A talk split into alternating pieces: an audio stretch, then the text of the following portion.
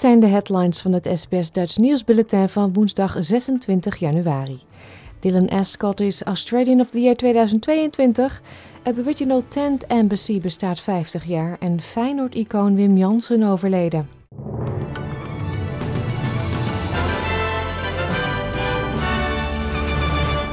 Er is een lichte daling te zien in het aantal COVID-ziekenhuisopnames in New South Wales. Op dit moment liggen er 2794 mensen in het ziekenhuis. Dat zijn er 149 minder dan gisteren. De staat registreerde nog eens 29 doden en 21.030 nieuwe besmettingen. In Victoria liggen er 1089 mensen in het ziekenhuis met het coronavirus.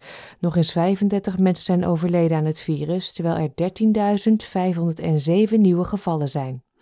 Jane Helton, de voorzitter van de Coalition for Epidemic Preparedness, adviseert mensen vandaag voorzichtig te zijn en COVID-safe maatregelen in acht te nemen tijdens de grote Australia Day evenementen. Australian of the Year Dylan Alcott heeft gezworen dat hij zich blijft inzetten voor het verbeteren van het leven van mensen met een handicap. De 31-jarige rolstoeltenniskampioen, Paralympiër en voorvechter van de rechten van mensen met een beperking werd gisteravond erkend met de hoogste eer van het land tijdens de prijsuitreiking in Canberra. Alcott is de eerste persoon met een handicap die de onderscheiding krijgt in de 62 jaar dat die wordt uitgereikt. Hij pleit voor een grotere vertegenwoordiging van mensen met een handicap in alle aspecten van het Australische leven. In our boardrooms, in our parliaments, in our mainstream schools, on our dating apps, on our sporting fields, in our universities, absolutely everywhere. So we get the opportunity to start living our lives just like everybody else. And I promise you, you won't just enrich the lives of us, but also yourselves in the process. Er werden meer mensen in het zonnetje gezet. Velmai Dempsey, die zich al meer dan 50 jaar vrijwillig inzet voor de St. John Ambulance, is uitgeroepen tot Senior Australian of the Year 2022. Dr. Daniel Nauer, oprichter van de mobiele medische dienst voor daklozen, is Young Australian of the Year.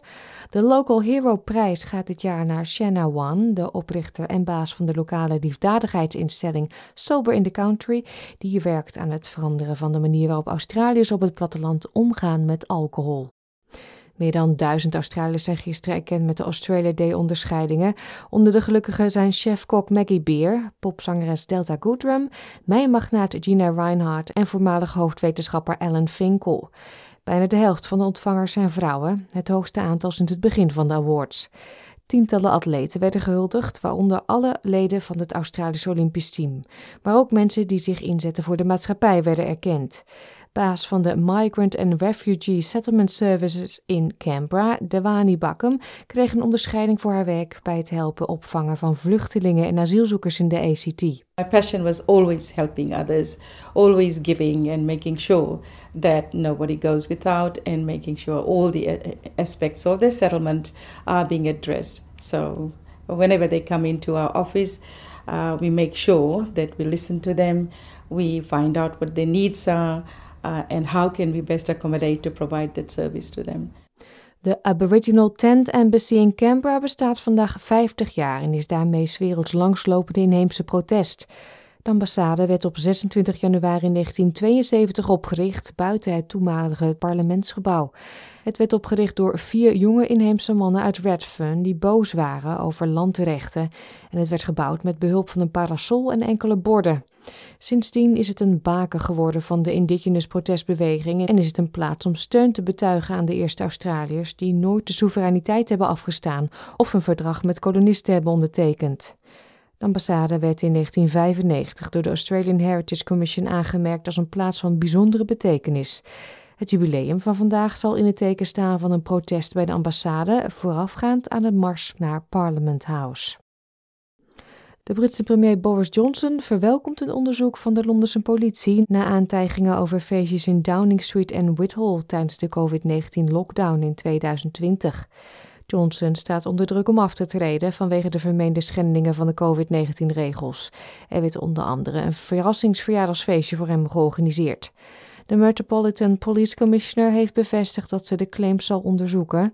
Premier Johnson besprak de nieuwe ontwikkelingen in het Britse parlement. So I welcome the Met's decision to conduct its own investigation because I believe this will help to give the public the clarity it needs and help to draw a line under matters. But I want to reassure the House, Mr. Speaker, and the country that I and the whole government are focused 100% on dealing with the people's priorities, including the UK's leading world role in protecting freedom around the world.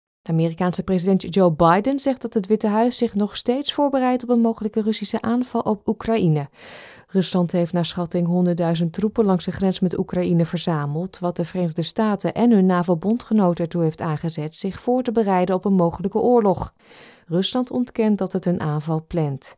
President Biden heeft gewaarschuwd voor sancties tegen zowel Rusland als president Vladimir Poetin persoonlijk, mocht er een invasie plaatsvinden. There will be enormous consequences if he were to go in and invade as he could the entire country or a lot less than that as well, for Russia, not only in terms of economic consequences and political consequences, but it'll be enormous consequences worldwide.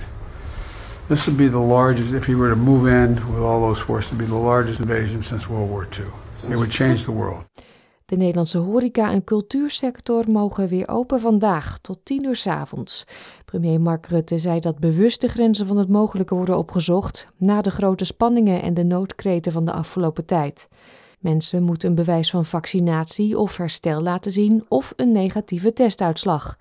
Dat geldt vanaf 13 jaar voor doorstroomlocaties zoals dierentuinen, pretparken en musea en vanaf 18 jaar voor het beoefenen van sport en cultuur. Oud-voetballer Wim Jansen is op 75-jarige leeftijd overleden. Dat meldt Feyenoord, de club waar hij uitgroeide tot een icoon. De middenvelder en libero speelde van 1965 tot 1980 in totaal 476 wedstrijden voor Feyenoord. Stille Willem, zoals zijn bijnaam luidde, kwam 65 keer uit voor het Nederlands elftal en speelde onder meer de WK-finales in 74 en 78. In de periode dat hij met Willem van Hanegem en Frans Hazel op het middenveld stond, kende Feyenoord zijn glorietijd. Uit Janssens biografie bleek vorig jaar dat hij leed aan de ziekte van Alzheimer. De weersverwachting voor vandaag. In Perth is het zonnig en 30 graden. Adelaide drukkend weer en gedeeltelijk bewolkt 31. In Melbourne is het ook drukkend en ontstaat er mogelijk een bui 35. Hobart een paar buien met opklaringen 21 graden. Canberra gedeeltelijk bewolkt 29.